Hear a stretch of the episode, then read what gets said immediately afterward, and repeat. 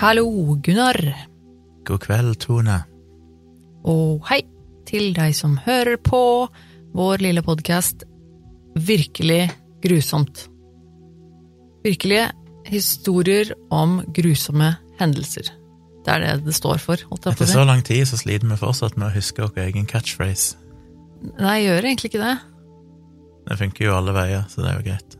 Jo, ja, han gjør det. Men nå, nå har det blitt eh, litt seint eh, seint i dag, og jeg fikk ikke lov å vite hva vi skulle snakke om eller noen ting i dag.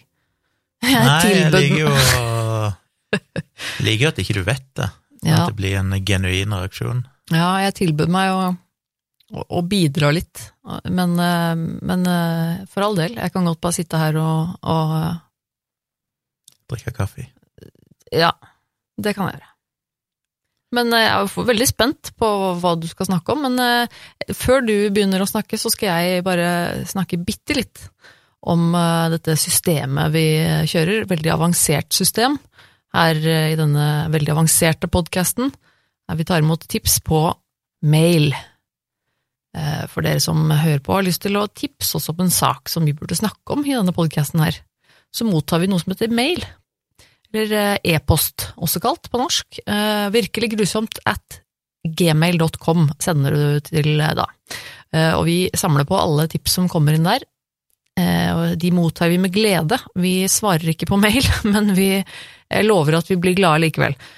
Og det er stadig vekk. Vi plukker tips fra dere når vi skal snakke om ting i denne podkasten her, så fortsett å sende oss forslag og tips og tilbakemeldinger, det setter vi stor pris på.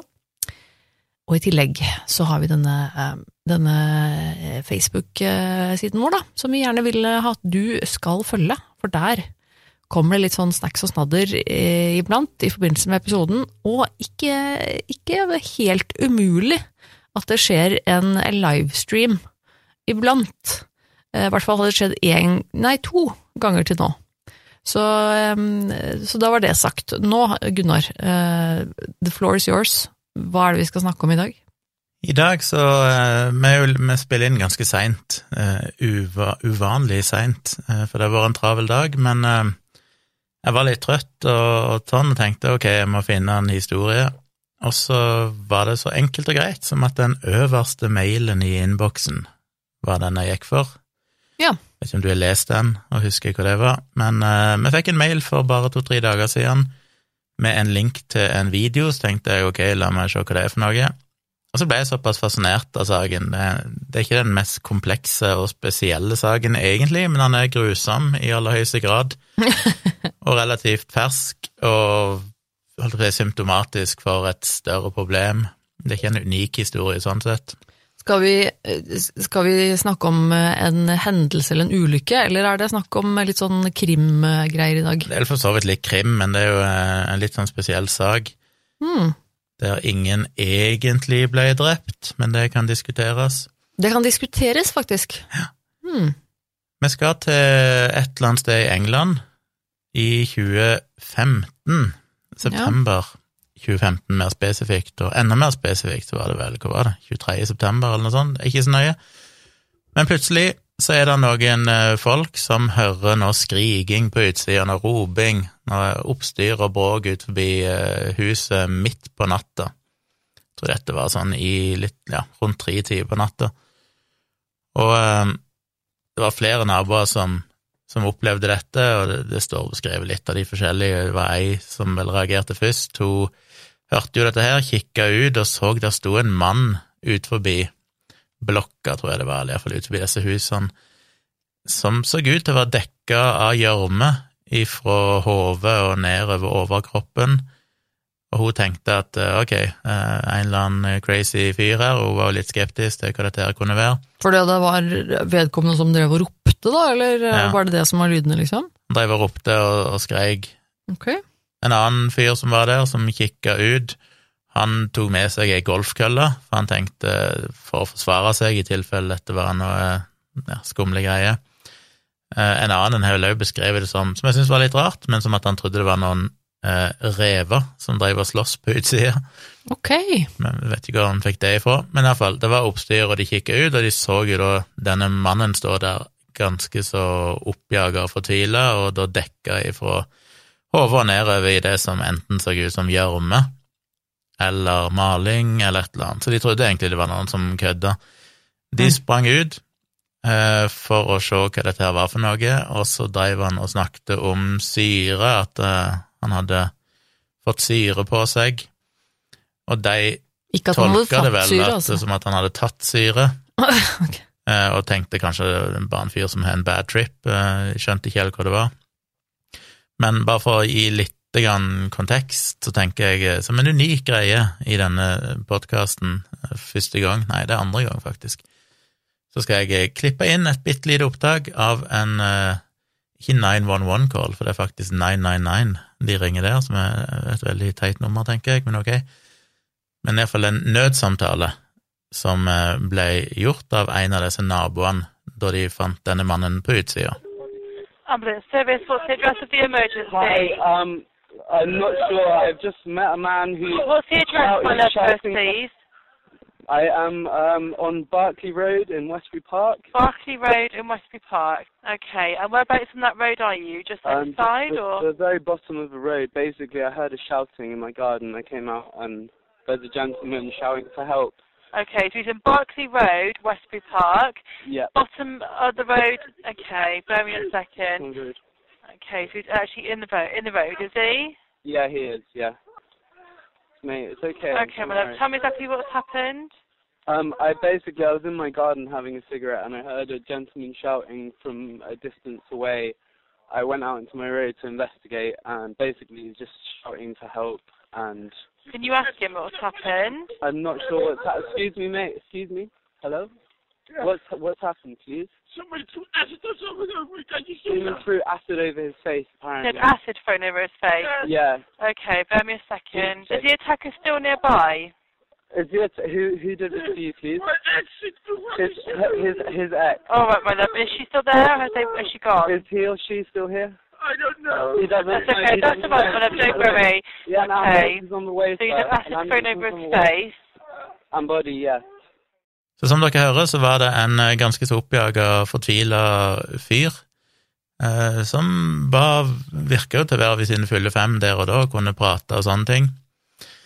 Denne fyren var da eh, en fyr som heter Mark van Dongen, og grunnen til at han heter van Dongen er fordi han opprinnelig var nederlandsk og hadde flytta til England. Han var en veldig trivelig gutt i oppveksten. Han ble beskrevet som en veldig, veldig snill gutt. Han var den typen som hvis han spilte med klinkekuler med vennene sine og vant eh, en del klinkekuler, så måtte han gi de tilbake igjen til vennene sine, for han syntes det var så trist at de hadde tapt de og sånne ting. Eh, Faren hennes er jo bare gode ord å si om han. Han gjorde det godt på skolen, studerte ved universitetet i Nederland, der han altså kom fra, og så flytta han til, til Storbritannia for å studere ved Bristol University, og fikk deretter en jobb som ingeniør, et eller annet. Så en flink fyr. I 2010 så møtte han ei dame som heter Berlina Wallace, som opprinnelig kom fra Sør-Afrika. Hun var jo ganske mye eldre enn han, hun var jo godt og vel 20 år eldre enn han, og han var jo da på dette tidspunktet bare ja, noen og 20 år gammel. Hun var oppe i 40-årene. Så han ble nok veldig forelska i henne. Hun var ei dame som studerte mote på samme stedet. Men andre øh, har nok beskrevet det i ettertid som at han nok var mer betatt av henne enn det hun kanskje var han, og at han, øh, eller at hun eh, nok kanskje utnytta han. Men faren til, til han Mark, han gjorde det han kunne for at hun skulle like han, og og de hadde jo egentlig et, eh, et godt forhold, mente han. Eh, men så gikk jo ikke dette så bra, da. Hun her, eh, Berlina Wallace, viser seg jo å være en veldig sjalu kvinne, og hadde ved et par anledninger gjort mer eller mindre ugreie ting. I 2011, altså ganske kort tid etter de møttes, så hadde hun visstnok kasta kokende vann på han eh, fordi hun var sjalu eller mente at han hadde vært utro helt uten grunn, bare fordi han hadde vært på et treningssenter en ettermiddag. Han hadde vel, han var nok kanskje litt naiv, han Mark van Dongen, han var jo en fyr som tydeligvis hadde et godt hjerte og og lot hun få mye av viljen sin, tydeligvis, for hun hadde åpenbart tilgang til bankkontoen hans og fikk lov å stort sett bruke den ganske fritt. Eh, så hun, hun, var ikke helt trivelig. Etter hvert så begynte jo òg Mark å fortelle vennene sine om at ting ikke var så bra. De hadde jo da ved flere anledninger sett at han hadde diverse sånn rifter eller sår på kroppen, og han ja, erkjente vel til deg at uh, hun kanskje hadde vært litt aggressiv eller voldelig i det forholdet, så ikke helt bra. I 2015, etter de hadde vært sammen i fem år, så, og fram til da, så hadde de vel vært litt sånn av og på, som en kan jo tenke seg i den type forhold, der du har en, en, en part som er ganske utrivelig, voldelig, sjalu, og en som nok er ganske naiv og godhjerta, så var det jo litt sånn De gikk ifra hverandre, men han fikk sin synd på de ble sammen igjen, det var litt sånn fram og tilbake, og hun var nok litt usikker på hvor de sto hen, men var vel òg ganske tydelig på at uh, hun ikke ville gi slipp på han. Så i 2015 så møtte han ei ny dame, og hun var jo òg rundt 20 år eldre enn han, så han likte tydeligvis eldre dame.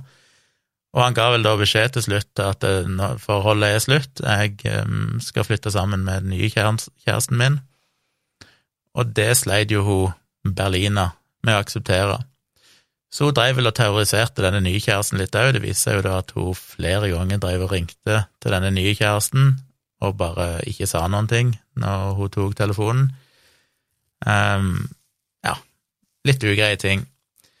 Så kom en jo da ut i september 2015. Da sendte visstnok Berlina mange tekstmeldinger til Mark og prøvde å, å gilte han til å, å, komme på besøk og komme innom en tur.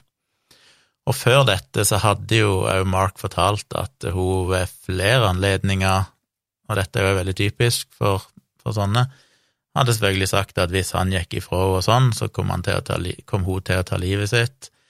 Eh, hun hadde visstnok òg ved noen anledninger slått seg sjøl i ansiktet og sagt at eh, hvis du går ifra meg, så kommer jeg til å ringe politiet og si at det er du som har påført meg disse skadene.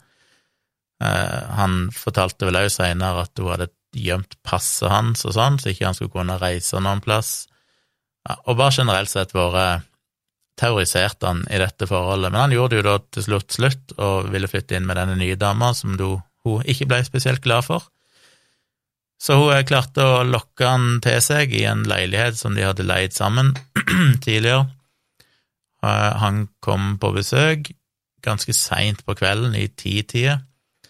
Så er det jo ingen som egentlig vet helt hva som skjedde etter det, men eh, de hadde nå visstnok prata, Mest sannsynlig så gjorde vel han det da veldig klart at uh, det var slutt for godt.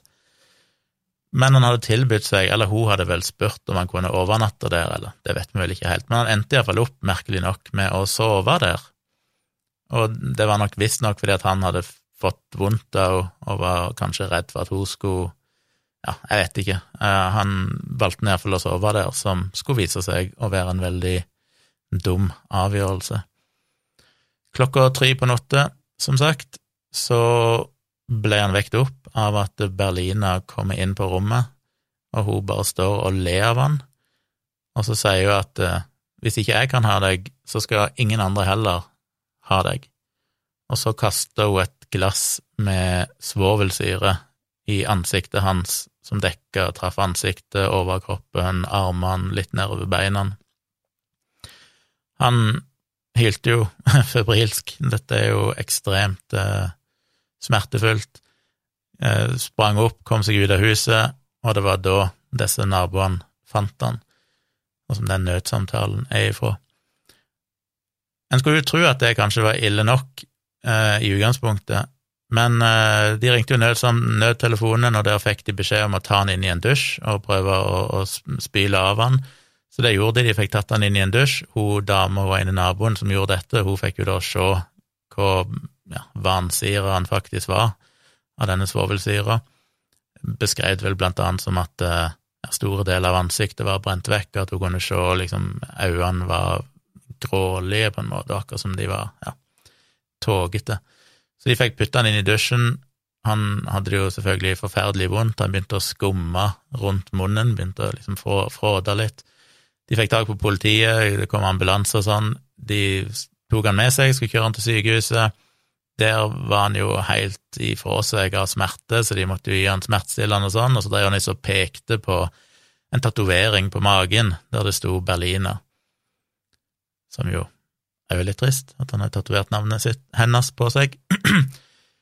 Han var jo veldig opptatt av at de måtte så Han fikk da sagt til dem at det var hun som hadde gjort det, og det sa han vel òg på den eh, nødsamtalen. Eh, som ikke det var han som snakker på, da, det er jo naboen. Men han, han høres jo i bakgrunnen. Han var òg veldig opptatt av at eh, politiet måtte sjekke den nye kjæresten, for han var livredd for at hun hadde gått oppsøkt henne og gjort det samme mot henne. Men da politiet drog hjem til Berlina, så fant de henne bare sittende i sofaen i stua, og virka ganske likegyldig. Så hun ble arrestert. Han ble kjørt på sykehuset. Der måtte det jo ekstrem behandling til. De tok han jo først inn på et sånn rom der de skal vel dusje han og prøve å få fjerna det de kan, overfladisk av syre. Eh, Der var han uheldig nok til å se seg sjøl i et speil eller i en refleksjon, og så hvor skada han var, og sa vel allerede da at hvis dette er sånn jeg ser ut, så vil jeg bare dø, da er det ikke noen grunn til å leve lenger.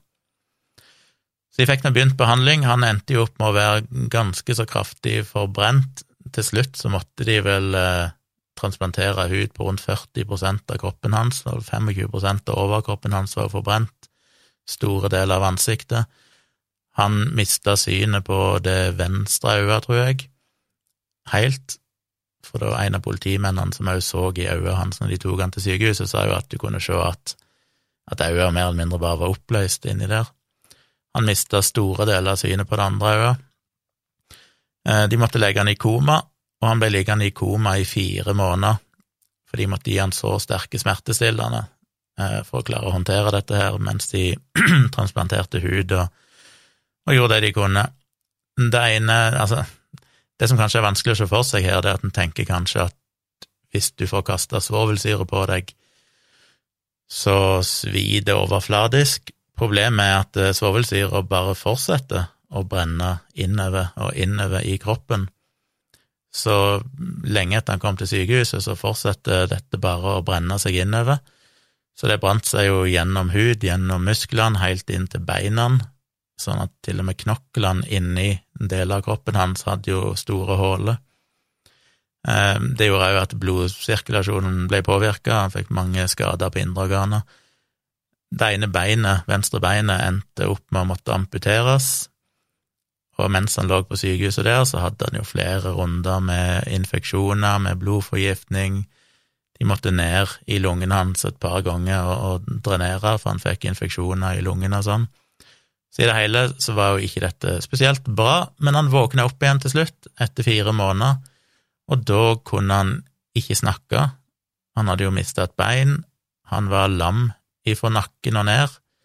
Litt uvisst hvorfor, det fant jeg ikke helt ut, om det var direkte skade av syre.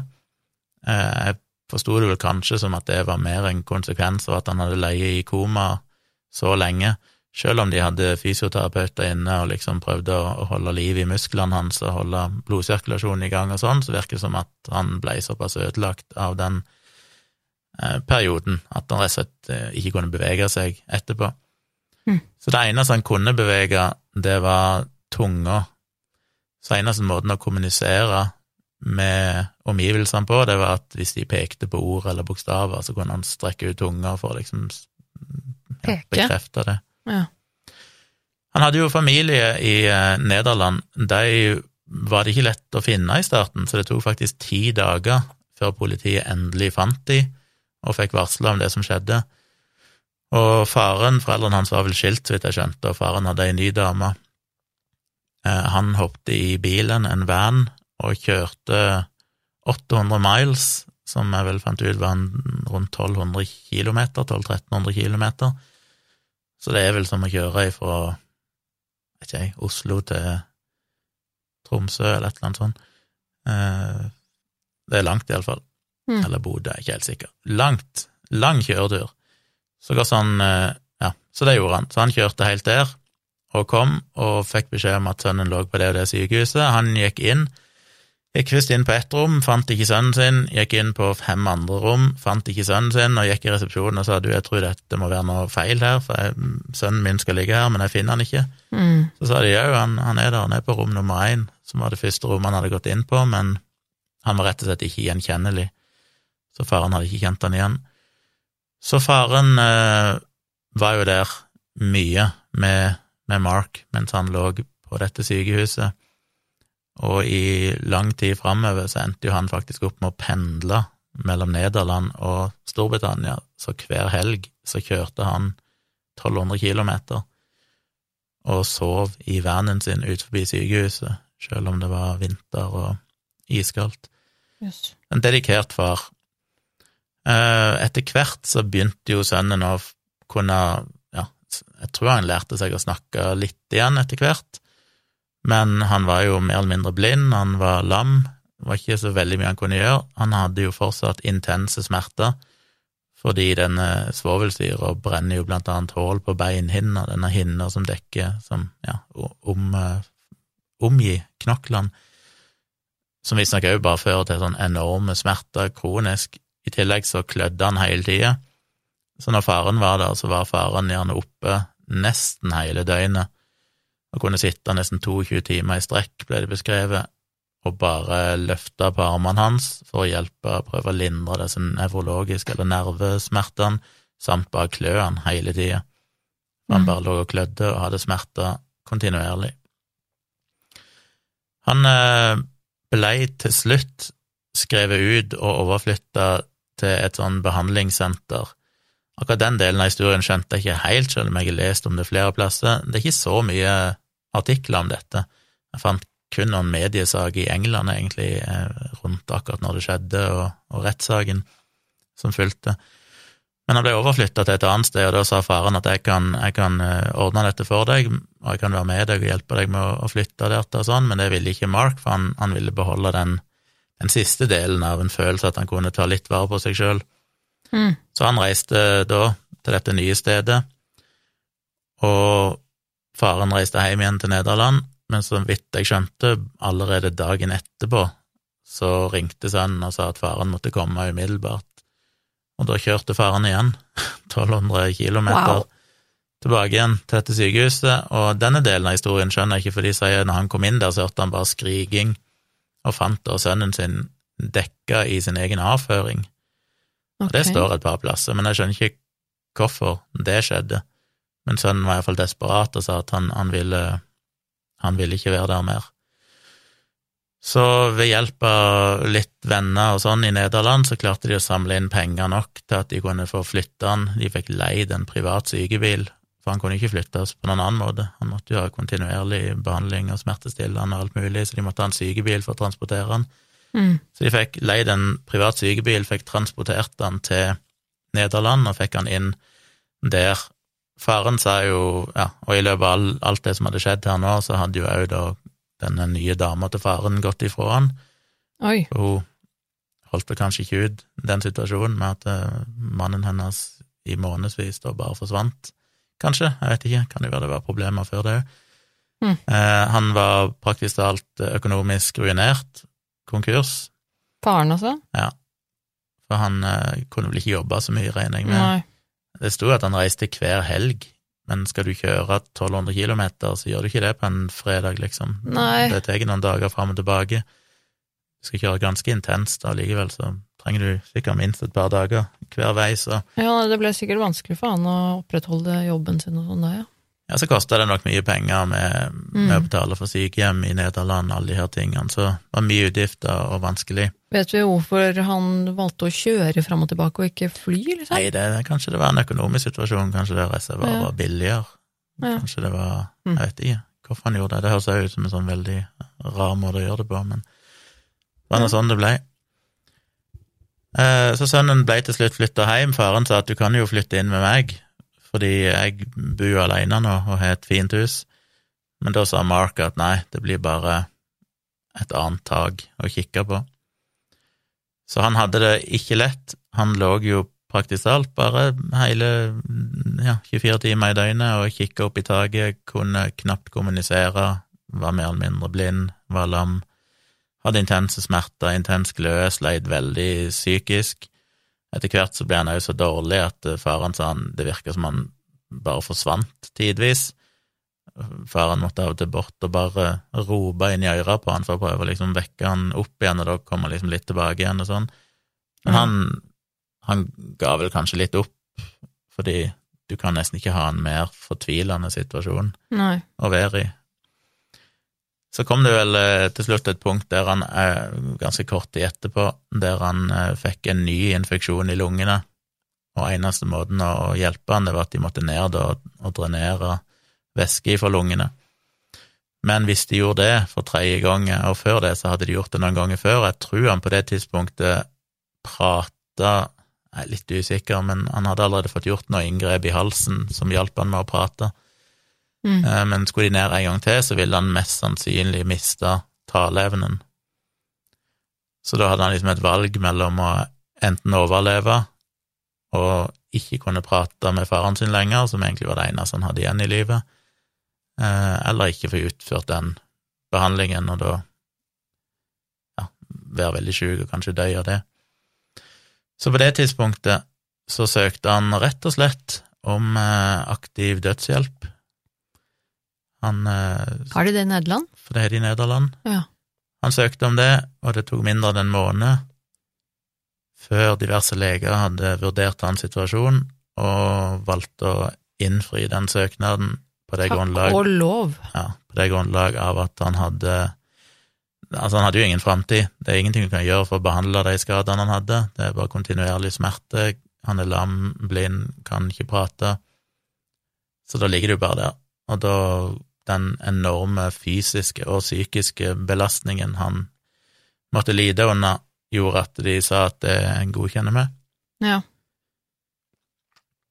Så han eh, endte da opp eh, 2. januar 2017, så tilbrakte han en dag med far sin, og så på kvelden så ble det sjekka atter en gang at eh, han ønska dette, at dette var gjort eh, at han var ved sine fulle fem, alt det som må til for å være sikker. Mm. Og så fikk han eh, injisert, eller de, de førte inn en sonde inn i hjertet hans som de pumper noe gift inn i, et eller annet, som Mm. gjør at han da døy. Så da døde han. Så hva eh, Altså, hva historikken her, eller forhistorien er vel eh, det riktige ordet. Fordi dette endte jo da til slutt opp i en rettssak etter at han var død. Så starta rettssaken Mot uh, mot Henne. Berlina Wallace. Ja. Hun ble jo opprinnelig sikta for både murder og manslaughter, jeg husker aldri helt hva som er forskjellen på dem. Ok. Kanskje, Ja, det er vel eh, drap og uaktsomt drap eller noe sånt, er det ikke det? ja, noe sånt. Og òg dette med å kaste syre på en person. Ja. Uh, I forsvaret sitt så endte jo, drev jo hun og sa at uh, han hadde vært voldelig mot hun hele tida. Mm. Uh, Denne, hun trodde bare at når hun gikk inn, så kastet hun bare vann på han, trodde hun. Hun hevda òg at siden de, når de kom inn for å arrestere henne, så fant de jo denne flaska med svovelsyre, som var 98% ren svovelsyre, konsentrert svovelsyre, men òg et glass som da hun hadde brukt til å kaste dette på han. Um, og når, de, når politiet kom, tror jeg, så satt hun i sofaen og prata med ei venninne eller sånn i telefonen, ganske uanfekta, som sagt. Men hun prøvde å legge opp i forsvaret sitt blant annet at hun ikke kunne dømmes for drap, fordi hun hadde ikke drept han. Det var det jo en lege på sykehuset i Nederland som hadde gjort. Mhm. Eh, Hun visste ikke at det var syre i glasset. Han hadde hele tida vært voldelig mot henne og vært forferdelig mot henne, og alt dette her. Klassisk.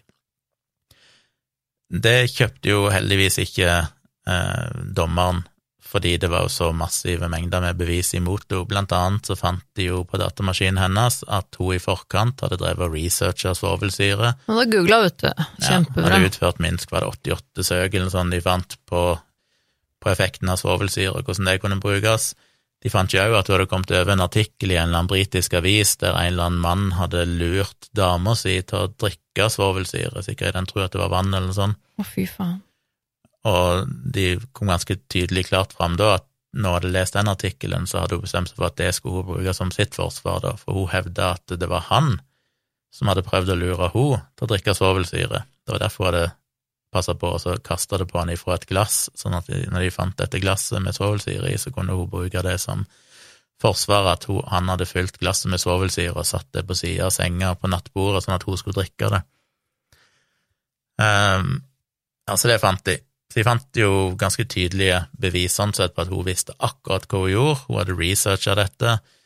Eh, det sammenfalt jo tidsmessig med at uh, hun hadde drevet og terrorisert uh, nye damer til Mark med disse telefonsamtalene og sånn. De hadde jo òg vitneforklaringer fra disse vennene hans og sånn, som sa, fortalte om at han hadde jo kommet med, med sår og arr og sånn etter at hun hadde angrepet han før. De hadde medisinsk dokumentasjon på at han hadde fått kasta kokende vann på seg, for da hadde han jo måttet gå til legen. Da han var hos legen, så hadde han bare sagt at ja, han hadde vært uheldig og tømt sølt ei tekanne over seg sjøl, så han hadde ikke sagt noe da, men de hadde jo medisinsk bevis, og det ble vel også lagt fram i retten to videoer som ble gjort der han forklarte seg mens han lå på sykehuset, og da fortalte han jo disse historiene da, med, Mm. med dette kokende vannet og sånne ting. Eh, bildene som ble tatt av han i den forbrente tilstanden han var, er jo aldri blitt frigitt, fordi politiet sa at de var så grusomme at de måtte aldri ut i offentligheten. Så de eneste som har sett bilder av han, er jur, eller de som var i rettssalen, for da ble de vel vist i rettssaken.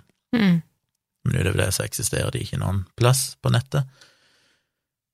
Så hun var jo bare generelt sett en, en grusom person, holdt jeg på å si.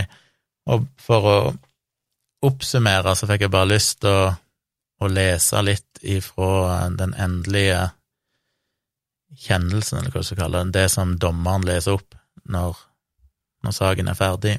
Mm. Skal ikke lese hele, jeg skal lenke til den i shownotes. Det, det er ikke verdens lengste dokument, men det er litt interessant å lese, for der, der hun jo, forteller hun litt om, om historikken her og sånn. Hun liksom oppsummerer jo da, altså dommeren oppsummerer jo da saken, at de var sammen i fem år, han har alltid vært en god partner for og sånn, og til og med når de gjorde det slutt, når han sier at han ville gjøre det slutt, så hadde han til og med sagt at han skulle ta vare på henne økonomisk og sånn, hvis hun hadde problemer, så skulle han hjelpe henne og sånn, og så han virker jo bare som en, en bra fyr, da.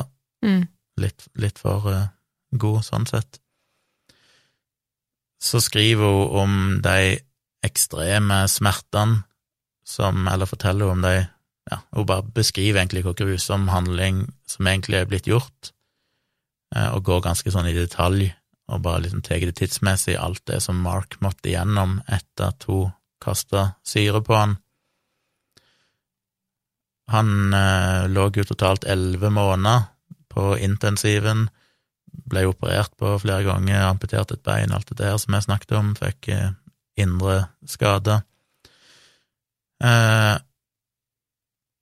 Ja, for hun visste kanskje ikke så mye om det, hun Altså, hun hva, Altså, hva som skjedde med han etter at hun hadde kastet syre i ansiktet hans, nei, så har jo ikke hun ikke på en måte vært til stede i, i livet Nei. hans lenger. Så det er jo eh, sånn sett eh, bra at eh, om ikke før, så fikk hun i hvert fall høre det da, hvilke Mm. faktiske konsekvenser det hadde hatt på han, det hun gjorde, da. Men nå satt vi gjennom hele rettssaken og bare hevda at alt var hans feil. Mm. at han var en grusom person, at det var hun som var det egentlige offeret. Så etter å ha gjennomgått historikken i alt dette her, og hvor ille dette hadde vært, så sier hun at eh, Ja, og her har jo allerede dommen blitt lagt fram, så hun sier da at hun ble frikjent for uh, mord. Så den dommen som hun nå skal få, er ikke på grunnlag av at hun har drept noen, for det ble hun egentlig frikjent for, Mm. men det er på grunnlag av de enorme skadene som hun påførte Mark van Dongen, som gjorde at han valgte å ta sitt eget liv. Mm. Så hun sier I do sentence you for the harm which you inflicted, the catastrophic and life-changing injuries, the 15 months of acute physical and psychological suffering of Mark van Dongen. Og så går hun videre med å si at selv etter å ha gjort dette, så har du bare fortalt løgn etter løgn etter løgn. Og det at ja, da Mark fikk syre på seg og tydeligvis da skreik og hylte, og det finnes jo noen bilder, blant annet bilder av senga hans, og den ser ut som det har vært en brann i den, Ja. fordi alt av dynetrekk og pute er jo helt svart, for det, det brenner jo på en måte opp av den syra. Mm. Til og med nattbordet, alle plassene som syre treffer, er jo bare svart eh, brent, og det kommer Hun er jo forklart, hun, hun Berlina, at det kom jo røyk opp av kroppen hans når han ble truffet av denne syra. Men det er jo at hun da ble sittende i en sofa og ikke ringte nødtelefonen sjøl, ikke løfta en finger for å hjelpe eh, Mark og alt dette her, taler jo òg selvfølgelig imot at hun er det egentlige offeret her, og at det var hans sin feil, alt dette her. Mm. Eh, hvis hun virkelig trodde at det var vann hun kasta på han, og viste seg å være syre ved en feil, så hadde vel sannsynligvis hun ville hjelpe han i det minste, men det gjorde hun ikke. Hun gjorde Nei. ingenting for å hjelpe han, hun bare satt der og brydde seg ikke. Så dommeren er Det er liksom, det er litt deilig å lese denne dommen her, fordi at hun er åpenbart ganske så forbanna, virker det som. Ja. Ja. På at det går an å være så grusom som det Berlina var. Mm. Hun er jo forbanna for at hun har brukt hele rettssaken på å prøve å sverte Mark van Dongens navn og rykte, ved å hevde at han var den egentlig voldelige parten i forhold alt dette her, Mm. og at Mark jo, hadde jo ikke noen mulighet til å forsvare seg mot disse beskyldningene, for han var jo død allerede, Mm. men at hun i aller høyeste grad trodde på disse vitnesbyrdene fra vennene hans og sånn, som, som beskrev hvordan ja, det forholdet hadde vært, at det åpenbart ikke var så bra. Hun Berlina hadde jo sjøl innrømt, og det blir jo også trukket fram her, at hun hadde jo søkt hjelp opp gjennom årene fordi hun hadde et sånn ekstremt raseri. Hun eh, prøvde visstnok i rettssaken å forsvare seg med at hun hadde vokst opp under veldig vanskelige kår i Sør-Afrika, og i en alder av 20 så hadde hun blitt gjengvoldtatt og blitt smitta av hiv. Oi. Eh, Så hun hadde ikke hatt noe lett, men dommeren sier vel egentlig at Ja, det virker som dommeren sier mellom linjene at basert på at hun bare sittet i rettssaken og løyet om alt annet, så er hun kanskje litt skeptisk til historien hennes generelt sett, at kanskje ikke Ja. det er noe hun tror helt på, men at uansett så kan hun ikke forsvare dette med å ha hatt en vanskelig oppvekst. Det er ikke et gyldig forsvar i en sånn sak. Um, ja. Så går jeg gjennom historikken, og så ender da opp Ja, så var det det med det jeg begynte å si da med Berlina hadde slitt med disse tingene. Hun hadde jo i en alder av 18 år slitt veldig og fått litt hjelp, og mente hun hadde klart å holde det litt under kontroll, dette raseriet. Men i, i desember eh, 2013 så hadde hun snakka med en rådgiver på universitetet, der hun hadde sagt at hun, hun fikk et sånn adrenalinrush hvis det var noen som bare sa noe feil i nærheten av henne, for da ble hun så forbanna, og det ga henne et slags kick, og hun hadde bare lyst til å ødelegge og rasere alt rundt seg. Hm. Eh, og da eh, Mark gikk ifra henne, så hadde vel òg hun uttalt til en psykolog at hun var litt bekymra for hva som kunne skje med Mark og dama hans, nye dama hans, fordi at hun visste at ja, hun stolte tydeligvis ikke helt på sine egne sin egen evne til å kontrollere sinnet sitt. Impulskontroll, ja, rett Mm. og slett. Jøss. Så, Men aldri fått noe diagnose, liksom, eller noe sånt nå? Jeg har ikke fått noe Nei, det hjelp, kom liksom ikke, det kom ikke kom ikke fram i noen av de tingene jeg har lest, iallfall. Men hun er jo Nei. Hun har jo søkt hjelp, i det minste, Ja. opp gjennom årene. Hun slitt med Jeg vet ikke om hun har slitt med depresjon, men hun sa iallfall etter det at forholdet ble slutt. eh, I august 2015 så hadde hun snakka med en psykolog, eller med en, en eller annen helsearbeider, i hvert fall, og sa at hun følte seg veldig deprimert og sint og svikta og nervøs og alt mulig. Og at Ja. da var litt bekymra for hvordan dette kunne utarte seg. Eh, og det hun sier da, hun dommeren, hun sier jo In your evidence you spoke of a difficult childhood and teenage years in South Africa, of becoming HIV positive as a result of being gang raped when age 20. Having listened to your evidence given over three days, I treat much of what you say with considerable caution. Even allowing for a difficult childhood, nothing can begin to excuse your actions. Mm. Så går vi da videre til begrunnelsen for dommen og sier at det er jo egentlig ikke noe eh, presedens for hvordan du skal dømme dette. Og så viser hun til noen sånne paragrafer og sånn, og om ja, det å skade andre med intensjon og bla, bla, og si at dette havner i liksom den øverste kategori én av det, verste du kan gjøre mot noen, Mm. og ender da opp med at hun faktisk får livstid i fengsel, selv om hun ikke ble dømt for drap, eh, eller uaktsomt drap eller noen ting. Det eneste hun ble dømt for, var å ha kasta syre på Mm. en person, men allikevel så valgte de å gi henne livstid i fengsel med ei minstetid på tolv år soning. Um, grunnen til at det ble gitt tolv år, er visst fordi at eh, dommeren mente at den riktige dommen å gi ville være 24 år i fengsel, og da sier visst vanlige rutiner for dette at hvis du mener at, dom, at det skal være 24 år, så skal du gi halvparten av det som minstetid. Ja, sånn, ja. Så da fikk hun tolv år som minstetid, men så er hun veldig tydelig på at eh, men det er ikke den tida du nødvendigvis kommer til å sone, Mm. med mindre du Det er jo i praksis som i Norge, da, at du vil få forvaring. Hvis ikke Ja. du blir vurdert til å være trygg for omgivelsene dine etter tolv år, så slipper du ikke ut på ei god stund. Mm. Og det er visstnok den første dommen som er gitt i, i England da, på livstid for den type handling, selv om det har vært flere sånne syreangrep i England. Eh, men de endte vel opp på det tidspunktet, jeg lurer på om det var etter denne saken, så endte de opp med å, å reklassifisere svovelsyre, sånn at du nå ikke lenger kan få kjøpt det uten å ha en gyldig lisens for at du har lov å kjøpe det. Ja, det var jo i hvert fall på tide, holdt jeg på å si. Berliner hadde jo kjøpt eh, en liter svovelsyre på Amazon, Åh, så eh, Ja. det sier jo litt om eh, hvor lett det var å få tak på da, den gangen. ja, det er jo virkelig ikke noe som hvem som helst bare skal få fatt i, liksom. Det, Nei. Så det var vel egentlig historien, som jo er litt spesiell, fordi at det er en veldig enkeltstående og holdt på kort fysisk handling, men konsekvensene av det. 15 måneder med tortur og lidelse som er så ille at uh, offeret til slutt velger å ta sitt eget liv, um, ja, faller jo egentlig inn under langvarig tortur.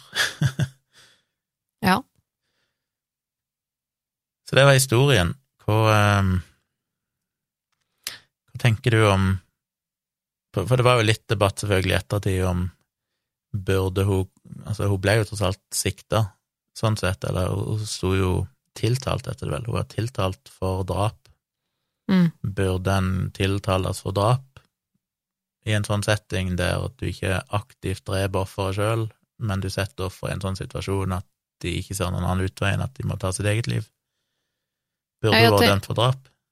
Ja, nå er ikke jeg noe jurist, jeg har, jeg har ikke så god peiling på alle disse begrepene, men jeg tenker jo at dette da kanskje burde eh, eh, falle innenfor eh, altså uaktsomt drap, da, eller noe sånt noe, ettersom hun voldet han så mye skade at han døde som et resultat av det. Eh, Jeg vet ikke om det kan at det at han faktisk eh, valgte å ta sitt eget liv med aktiv dødshjelp, om det kanskje da gjør at det ikke passer inn likevel, eh, fordi Ja, han teknisk, det, teknisk sett så døde han jo ikke av det hun gjorde. Nei, ikke sant, fordi han teknisk sett så kunne han blitt holdt i live lenger, men, men så sånn sett så kan jeg på en måte skjønne sånn rent teknisk det justen på en måte bak at hun da ikke fikk den dommen, men sånn eh, Jeg tror de fleste av oss føler at det hadde jo vært eh, mer eh, rettferdig, eh, for så vidt, å, dømme henne for en uaktsomt eh, drap, for eksempel. Noe sånt noe. Men han side sett så fikk hun jo allikevel og egentlig lovens strengeste straff. eh, Det fikk hun, hun fikk jo absolutt en streng straff, og det, det, det gjorde hun jo, men, eh, men sånn for å ha det på, på det rene, så vil jeg på en måte si at det var jo hun som var ansvarlig for at han døde. Ja. Eh, For jeg tenker jo at den tilstanden som han var i, er jo helt umenneskelig. Det er jo på en måte I sånne tilfeller som det der, så tenker jeg at det er det mest eh, humane og barmhjertige å gjøre, er å la han få slippe. Eh, Når du vet at dette mennesket her kommer aldri til å få et bedre liv enn det han har nå, han kommer aldri til å bli bedre. Han kommer til å leve med å ligge i en seng og ha smerter og ikke kan snakke, ikke kan ut... Altså, dette er, det er, det er, som du sa også, tortur i aller høyeste grad å, ligge i en sånn tilstand. Jeg tenker at det å eh, Det å eh, ikke hjelpe han å dø er jo helt forferdelig grusomt. Altså, det, jeg tenker jo at det var utrolig fint egentlig at han bodde da i Nederland og hadde den muligheten til å få aktiv dødshjelp. For i sånne tilfeller som det her, så syns jeg det er helt barbarisk å holde folk i live. Så jeg tenker jo at i sånne tilfeller her, så øh, det er jo sånne tilfeller som gjør at jeg tenker at det er, vi, vi burde ha det. Vi burde ha Mm. aktiv dødshjelp, og burde ha, gi folk muligheten til å slippe en sånn skjebne. For det, det er bare Jeg kan ikke forestille meg engang hvor for jævlig det må være eh, å være fanget i en sånn situasjon. Ikke bare da fanget Altså, du er helt på en måte klar i hodet, men fanget i en kropp som ikke funker, er en ting, og liksom Det, det, det, det virker helt forferdelig for meg også, å bli Å være på en måte klar i hodet, men fanget i en kropp som ikke fungerer, eh, hvor du ikke kan gjøre noe, men i tillegg har du da masse smerter og plager og kroniske altså både infeksjoner og alt mulig. Altså det er bare så eh, Jeg mener at vi burde, vi burde holde oss for gode til å la noen leve i det, på en måte. Ja. For er, jeg, kan, jeg kan ikke forestille meg at det finnes et eneste menneske i verden som ville ha ønsket å leve i en sånn situasjon, når du vet at dette her kommer du heller ikke til å bli bedre av. Det er helt sånn Det, det kan jeg ikke forstå. Nei, så kommer det vel et punkt der det var faren hans Så er det klart at det kommer vel et punkt der du føler at som forelder så vil omtrent det mest barmhjertige være å ta livet av sønnen din. Ja. Men, Men du kan ikke sette en Det er jo det som blir så urimelig, at staten da setter en far i en sånn urimelig situasjon om at det, en far faktisk Det er kanskje mest rett å gjøre at faren på en eller annen måte hadde kvalt han eller tatt livet av han på en eller annen måte, Ja. og da tatt betalt prisen for det, som jo sannsynligvis hadde vært ei stund i fengsel. ja, og ikke bare det, men jeg tenker jo også på eh, hvor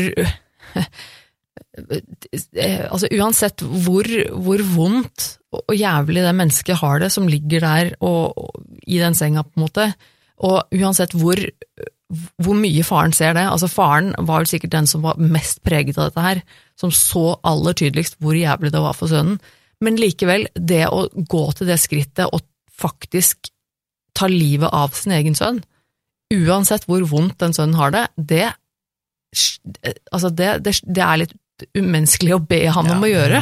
Altså det er litt sånn, tenk deg en stakkars, stakkars faren her, som, som på en måte da står mellom to helt umulige situasjoner. Det er liksom enten å bare stå der og, og, og se sønnen din lide, eh, uten å kunne gjøre noe og vite at han aldri kommer til å bli bedre, eller å ta livet av din egen sønn.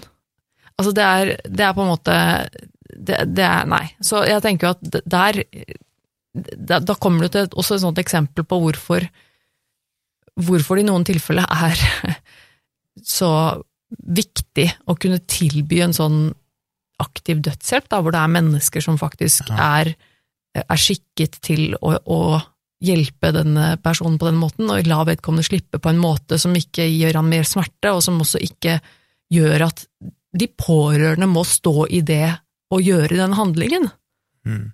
For det, for, så for meg så er Ja, liksom den det der- en annen ting er jo det at det virker som faren mer eller mindre fortsatt måtte sitte med han, for at du kan ikke ha Det er ikke noe helsepersonell på en måte som er pålagt å sitte og klø en pasient eh, Nei, ja. døgnet rundt, og mm, så bare det at sønnen skulle i det hele tatt kunne ja, ikke bli enda mer torturert enn det han allerede blei av smertene sine, sånn, så må du òg ha noen i familien som er villig til å stille opp, som praktisk talt betyr at det familiemedlemmet ikke kan jobbe, ikke kan ha en inntekt, Ja. gå konkurs. eh, Så hele greia er jo bare å sette alle i en forferdelig situasjon.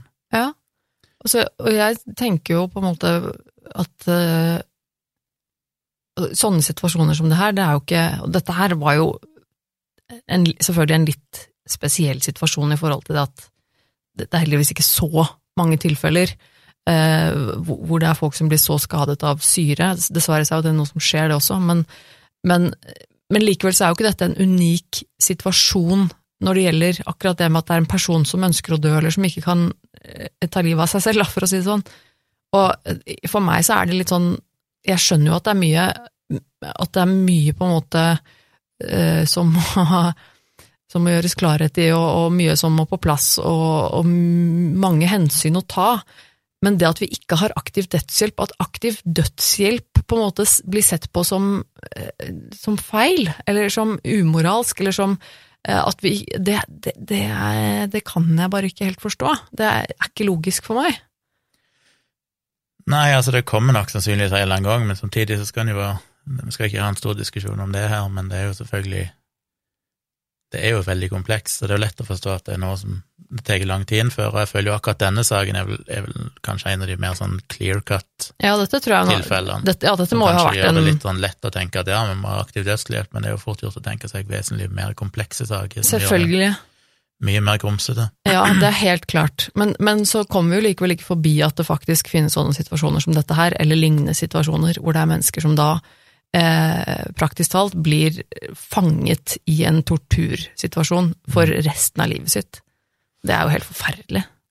Jeg fikk lyst bare å lese eh, slutten av det som hun dommeren sa, når hun Mm. liksom sa ok, dette er grunnen. Dette er grunnen til at du får livstid i fengsel, selv om det ikke finnes noen presedens for det, og selv om du teknisk sett ikke er dømt for drap. Og jeg, jeg leser det på engelsk, og det, det er bedre enn å simultanoversette det, så hun sier helt på slutten, You are aged 49. The offense of which you have been convicted is a serious offense. I find you are dangerous for the following reasons. Jeg bare sier at serious offense og dangerous er satt i hermetegn, for dette liksom viser til noen tidligere paragrafer om eh, Mm. liksom, hva for noen kriterier som må ligge til grunn for dette. 1. You chose to carry out this attack using 98% concentrated sulfuric acid, knowing the damage it could cause. 2. You deliberately, deliberately threw the contents of a glass of the acid at the face and towards the upper body of Mark Van Dongen when he was in bed, wearing only boxer shorts and had been sleeping until immediately before the attack. Your conduct can probably, your conduct can properly be described as sadistic. 3. You ignored Mark's cries of pain and chose to telephone the friend rather than the emergency services when you would have known that Mark urgently required medical help. 4. This was a premeditated offense which involved not only the purchase of one liter of acid, but research into the damage it was capable of causing. 5. Your attack caused catastrophic and life-changing injuries to Mark Van Dongen, 15 months of intense physical and psychological suffering. 6. Your previous, viol- your previous violence towards Mark Van Dongen in 2011 and 2015. 7. Anger is a part of your character which you acknowledge and over which you have been found to have demonstrated no control. 8. On the clearest evidence, you have been shown to be a manipulative and controlling woman who has lied without compunction or conscience in an attempt to avoid culpability. Så sier hun videre, at the core of the significant risk of serious harm which you pose to those, be it family or persons in a relationship with you, is your anger which you are still unable to control. It is coupled with a brain capable of working out how to inflict damage upon the person who has incurred your anger. It has manifest, manifested itself in the most serious of offending, causing immeasurable harm. Life imprisonment is the only sentence which reflects not only the nature of your offending, but the continuing risk which you pose. In passing a life sentence, the minimum term to be served before you can be considered for release on license has to be determined. In my judgment, the appropriate determinate term of imprisonment would have been 24 years. In accordance with sentencing practice, which, when setting the minimum term for an indeterminate life sentence, the minimum term will be half of the equivalent determinate sentence, namely 12 years. Ja, så hun fikk tolv år minimum, minus 972 dager som hun hadde sittet i varetekt. Men uh, dette er jo da Dette var i 2018, Så det er jo ikke så lenge siden. Det er jo Mm.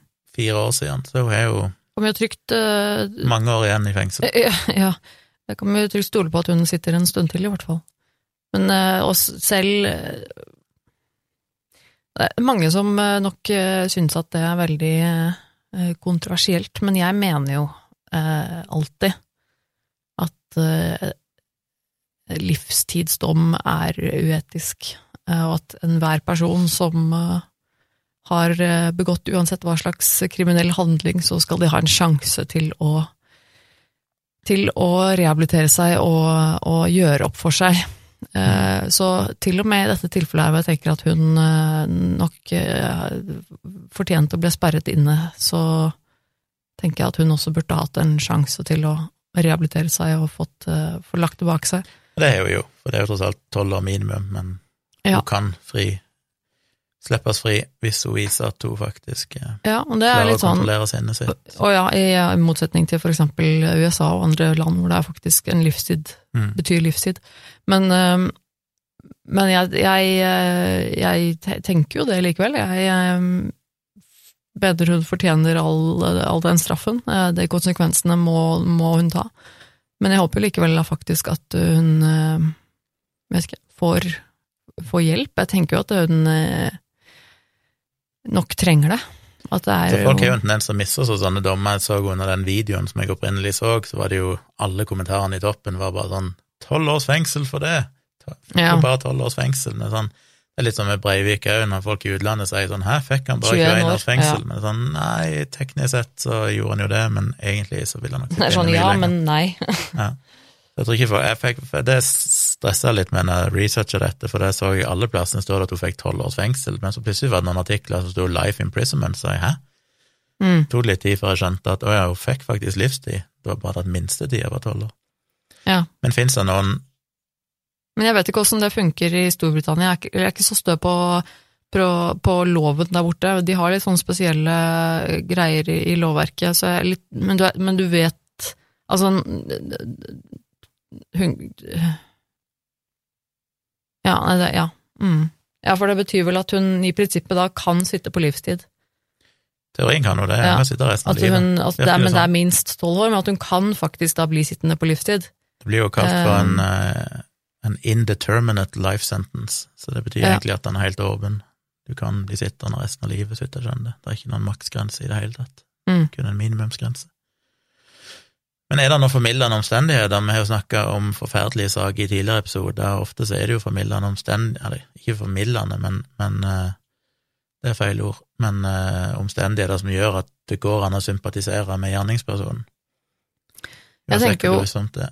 Ja, Um, jeg er jo en sånn menneske som eh, alltid vil prøve å se flere sider av samme sak, eller se flere menneskers perspektiver og så videre, og det at et menneske er aldri bare én ting.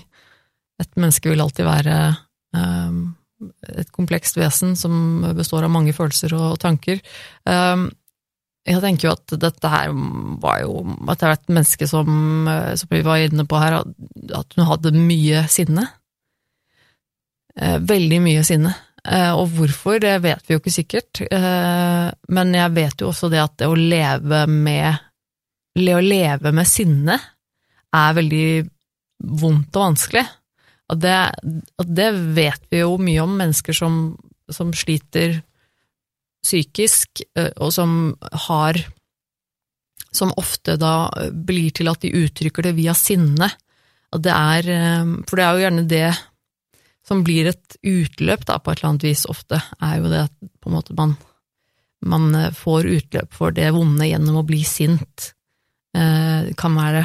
Eh, og det er jo eh, for veldig mange, tror jeg det kan være utrolig vondt og vanskelig, og det er jo ikke akkurat så lett å Jeg tror ikke det er lett å være et menneske som er sint eh, hele tiden, jeg tror ikke det er lett å være et eh, fungerende menneske heller hvis du blir så sint at du at du kicker på det. Altså på en måte, Som hun selv forklarte også, at hun, hun kan bli så sint og at hun nesten oppsøker konflikt eh, for, for å få utløp for de der eh, følelsene sine. Det, det høres jo Det høres jo ut som det er noe veldig sterkt og vondt på, på innsida der et eller annet sted, eh, så hun hadde det sikkert ikke veldig godt. Men det er klart, eh, må jo også selvfølgelig understreke det som også ble nevnt, at uansett hvor vondt hun har hatt det i barndommen, i oppveksten eller hva som helst, så er det jo ingenting som unnskylder å gjøre noe sånt mot noen. Nei, og, dømt blir det jo uansett, men eh, det er på en måte to måter å se det på. Det ene er at det er lett å tenke at for en drittsekk av en person. Mm. Det er lett å tenke at dette er ondskap. Hun er ekstremt kontrollerende, hun har skada han flere ganger før, hun, hun er bare gjennomført ufordragelig og helt åpenbart utnytta han økonomisk, mest sannsynlig. Hun kanskje hadde Mhm. ikke så mye følelser for han, men han betalte jo og hadde penger, og det var nyttig for henne. Det er én måte å se det på. En annen måte å se det på er jo selvfølgelig at hun sleit med et sykelig dårlig selvbilde, eh, sikkert forferdelig mye angst og frykt rundt å miste en person, eller miste et økonomisk fundament. Eh, hun gjorde det hun måtte for å, å passe på seg sjøl, kanskje Mm. som en konsekvens av at hun har vokst opp et sted med ekstremt mye kriminalitet. Kanskje hun er blitt gjengvoldtatt, utsatt for vold, og hennes eneste på en måte fornuftige instinkter, kan du si, hvis du har vokst opp på den måten, er at du gjør det du kan for å beskytte deg, koste hva det koste vil. At uh, du tenker ikke så mye over at uh, ja, kanskje det ikke er så greit for han at jeg er kontrollerende eller bruker pengene hans, men ifra det standpunktet hun har, så er det det eneste hun kan gjøre for å overleve, det er å passe på å finne Mm. en eller annen person som har økonomiske midler til å hjelpe, og da må hun bruke det. Så det er liksom to måter å se det på. Det er så Ja. lett å tenke at det er ondskap, men en annen ting kan være at hun nok kanskje er til en viss grad prima gjennom sin oppvekst til at det er hennes overlevelsesmekanisme, og det gir fullstendig mening for henne, Ja. og er kanskje sånn objektivt sett Hvis alt du vet er at du er blitt utnytta voldtatt, og du har vært fattig og alt mulig sånn, og så kommer du i en situasjon der du er alene og trenger å overleve, så er det liksom en, en på en måte en rasjonell handling. Eh, hvis du teger, hvis du da ikke evner å, å se empatisk på hvordan det påvirker andre. Det som allikevel gjør at det blir veldig vanskelig å innta den der sympatiske holdninga, er jo måten hun oppførte seg i rettssaken på. At Ja. til og med der, når hun har hatt så lang tid til å tenke seg om, og ikke er i en situasjon der hun handler i affekt lenger, men kan liksom vurdere dette rasjonelt, og få lagt for seg alt den lidelsen hun er påført, så velger hun allikevel å bruke Forsvaret med å legge all skylda på han, fremstille han, sverte han som eh, sverte hans navn og rykte, og påføre mer skade etter at han allerede har blitt torturert og allerede er død.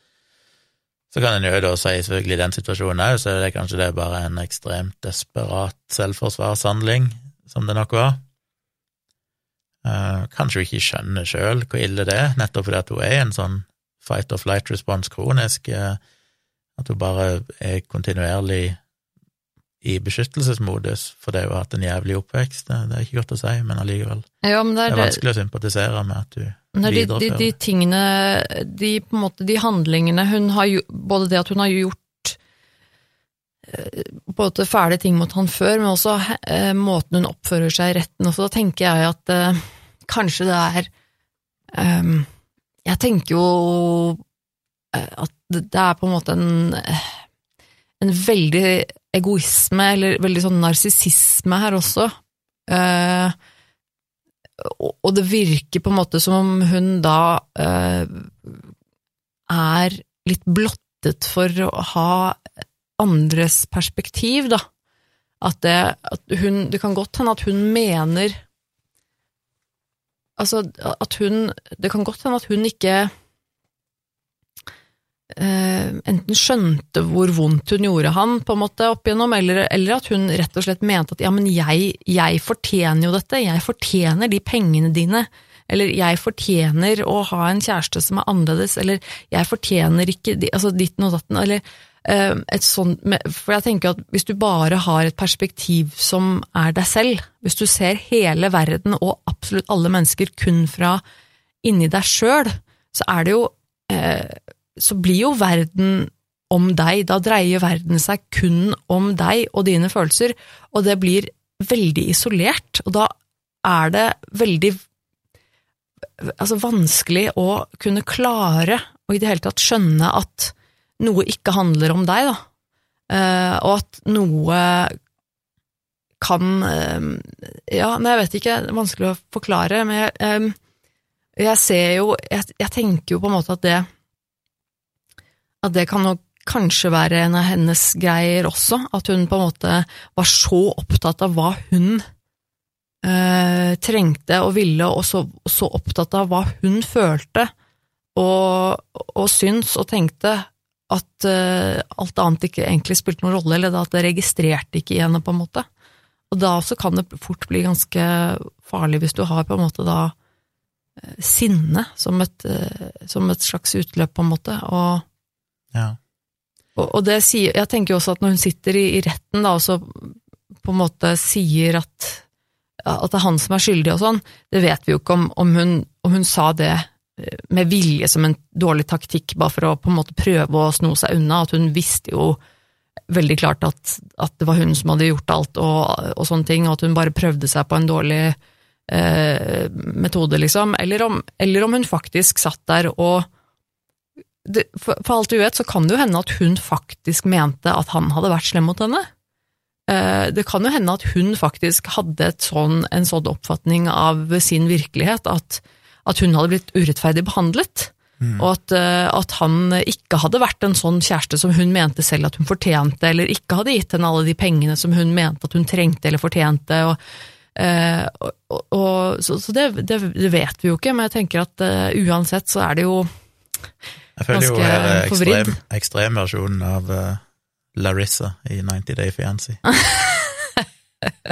det, men det er jo akkurat den samme mentaliteten som ligger til grunn, føler jeg. Ja, den der Nei, veldig bare- selvhevdelsen, da, den Ja. med at du, du, er, at du er så opptatt og obsesst over at du skal få og ha det du mener at du fortjener og trenger hele tiden, at du ikke lenger har perspektiv på Bare mennesker. sånn mennesker. objektivt sett er helt forferdelig menneske, men i sitt eget hode så tror jeg nok hun Larissa òg følte at det var hun som ble urettferdig behandla, at det var hun som Ja. Nå tror jeg ikke det er så veldig mange her som vet hvem Larissa If you know, you know. Men eh, ja. 90 Day Fiancé er et eh, fantastisk eh, trash-drama-reality-TV-program som har gått eh, i alle år på en kanal på TV. og det er eh, berykta dama der som var ganske så ufin mot, mot typen Veldig sin, ufin mot kjæresten sin. Og endte opp med tre ganger måtte politiet rykke ut. eh, Ja, for okay, domestic så- violence, for hun hadde begynt å slå Hun var jo voldelig ja. og liksom var helt forferdelig, men jeg- får liksom litt samme vibbene da, den Ja. der ekstremt forstyrra virkelighetsoppfatningen Ja. som er dypt fascinerende, og jeg har jo personlig òg vært borti enkelte sånne, ikke helt av dette kaliber, men folk du bare skjønner at her opererer vi på to helt Altså her er vi på forskjellige planeter. Ja, De har bare en virkelighetsforståelse som ikke er mulig å sette seg inn i. det er det er ganske rart. skummelt. Ja, Fascinerende og skummelt. Men jeg tenker jo at hun her eh, Berlina, som hun heter, Ja.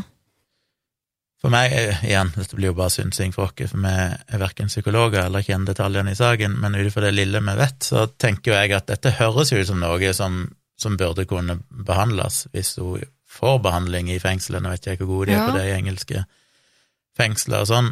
Det, hun hadde jo virka som søkt litt hjelp opp gjennom livet sitt, men det virker ikke som at hun hadde hatt noen sånn intensiv psykologisk behandling. Det var mer at hun av og til hadde vært i kontakt med helsepersonell og hadde vel fortalt litt om hva hun sleit med, men Og, jeg, og jeg, det også er jo egentlig en viktig detalj, fordi at det faktum at hun har oppsøkt hjelp, det sier jo litt om henne, ikke sant? Ja, Hun skjønte jo åpenbart sjøl Ja, at sinnet hennes var et problem. Ja, for det sier noe om at hun har hatt det vanskelig, Mm. om at hun har hatt det vondt i seg selv. Uh, og det, fordi at en person som, uh, som ikke har det vondt og vanskelig, vil heller ikke oppsøke hjelp. Så det er klart at det, det sier jo noe om henne, og jeg tenker jo at da så er det kanskje et potensial for at hun kan få behandling. Mm. Så man kan jo bare håpe, selvfølgelig. Uansett veldig, veldig tragisk, selvfølgelig, alt det som skjedde, da. Jeg skal ikke eh, hobbypsykologisere så mye mer om dette, men du får prøve å rangere det på en grusomhetsskala. Eller ikke Ja. bare én grusomhetsskala, the grusomhetsskala. The one and only. Ja, jeg syns jo det er som alltid vanskelig. Eh, dette her er jo en litt annen selv, altså Dette er jo en annen type sak enn mange av de andre liksom, drap og dødsfallene vi har hatt. Eh, men eh, det er ikke noe tvil om at dette, dette offeret her er en person som jeg virkelig, virkelig føler dypt for. dette her var, sånn som det fremstår, ekstremt urettferdig og grusomt at det skjedde, men også da i over et år, da, hvor han lå og hadde så intense eh, smerter og, og rett og slett ble på en måte torturert, eh, nesten fysisk og psykisk. Eh, og så mye at han da til slutt liksom valgte å faktisk ikke leve mer. Og da tenker jeg at da, du får det egentlig ikke så mye verre enn det. Um, så jeg syns det er litt vanskelig, fordi at eh, hvis jeg skal være sånn veldig kynisk og tenke på den skalaen vår, så er det på en måte noe med at eh, vi har fortalt historier om eh, tortur og folk som har eh, drept eh, titalls mennesker. Her var det jo tross alt eh, bare ett offer, eh, men ganske grusomt likevel. Eh, det er jo, jeg vil jo si likevel, det er jo det er jo to tragiske skjebner her, da. Jeg vil jo si at eh, både hennes og hans skjebne her er ganske tragisk. Um, for, og tenker at det kan jo hende at um, hvis hun hadde fått noe riktig eh, hjelp, så kanskje ikke dette hadde skjedd. Who knows? Så, men tragisk er det uansett. Jeg tenker at det havner eh, på en eh, sju, kanskje? Sju? Jeg er fortje, føler det fortjener, jeg havner ganske høyt på skalaen, på tross av at det bare er ett offer, det er ikke et direkte drap, og alt mulig sånn, men det er lang tortur, og Ja, det er så dypt, på en måte. Det er jeg skal ikke underkjenne heller hvor fælt han har hatt det før dette skjedde, for det å være i et sånn eh, voldelig, ekstremt sjalu, kontrollerende forhold, ja, det er veldig det er en vondt og enorm psykologisk belastning Ja, klart som det. tapper deg helt. Så han har hatt det vanskelig lenge før dette. Ja. Eh, Jeg glemte vel å nevne at han faktisk hadde vært i kontakt med politiet òg, noen måneder før dette skjedde. Å, ja. eh, Som en konsekvens, jeg tror det var som en konsekvens at hun drev og ringte eks, nei, nye damer hans og sånne ting. Og da ja. hadde faktisk politiet tatt kontakt med henne og liksom sagt at ei, hei, ta deg sammen. Så de hadde jo hun on the record òg, sånn sett, eh, som Mm. har vært Som jo svekka forsvaret hennes ytterligere. Nei, jeg tenker jo kanskje sju på skalaen. Jeg kan nesten ikke tenke meg hvor grusomt det må være, den skjebnen han uh, endte opp i. Og så altså, så er jeg bare glad for at de da har aktiv dødshjelp, for hvis ikke, så hadde jo Nå, nå tenker jeg at han nok ikke hadde levd til han ble 80 år gammel uansett, for det, det var mye Nei. infeksjoner. Når du ligger sånn, så dør du som regel. Hvis du ligger helt passiv over så lang tid, så til slutt så, så har du tendens til å Ja, kroppen gir opp. Men eh, det hadde nok uh, godt mulig han fortsatt hadde ligget der. Men uh, bare, bare det der med, som du beskrev også med at han, at han forsvant noen ganger, at faren på en måte Ja. ikke fikk kontakt med han. uh, da, det, det gjør så at jeg får så vondt i meg, for det er på en måte noe med at et menneske ligger der og har så store smerter, og har så, lider så fryktelig, at du på en måte bare eh, blir katatonisk. Altså det er, det er så brutalt, altså. Ja, så må du jo egentlig pumpes full av morfin og sånn. eh, Ja. Så det er liksom valget mellom å være til stede og liksom leve det lille livet du har, eller praktisk alt være rusa til å ikke kjenne omgivelsene dine lenger, og da er det sånn, hva er vitsen med å leve da? Nei, det Uff, Fy fader, altså. Det er valget mellom Ja. Nei, vi, plasserer han der, så er vi jo spent på hva dere syns. Skriv gjerne det i kommentarfeltet inne på Facebook-sida vår når vi poster denne.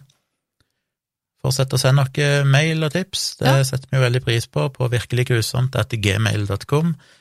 Og så eh, ja, må minne på igjen at dere som ikke følger dere på Facebook eller Instagram eller sånn, dere får kanskje ikke med dere bildene og linkene, men det hjelper jo av og til å se coveret. Tone designer jo et eget eh, coverart-bilde til hver episode som vi poster i sosiale medier. Så hvis du er nysgjerrig på hvordan disse folkene ser ut, eller crime scenes, eller det som måtte være eh, til de forskjellige historiene, så Eh, og igjen så, er med på det. så ja, så jeg må bare si at eh, eh, det er nevnt før også, at eh, det, det hjelper ofte litt å få ansiktet til folk, for å få et litt inntrykk av hvem disse menneskene er. Det gjør på en måte at hele historien blir litt mer ekte, men jeg skal også si at jeg legger ikke ut de aller grafiske og verste bildene eh, på, på dette på, på Facebook-siden vår. Altså det, det sparer jeg dere for. Det kan dere sjekke ut sjøl, eventuelt, for de som er veldig interessert. det finnes ofte i linker og sånne ting for de som ønsker å oppsøke det, selv Men ja, og ikke minst linkene som vi legger til for de som har lyst til å grave seg litt mer ned i sakene, så, så sjekk ut linkene. Og takk til lytter som sendte inn eh, tipset i dag, da. Og takk til alle dere som har hørt på episoden. Ikke minst. Vi er tilbake igjen om ei uke. Det er vi. Ha det bra. Ha det.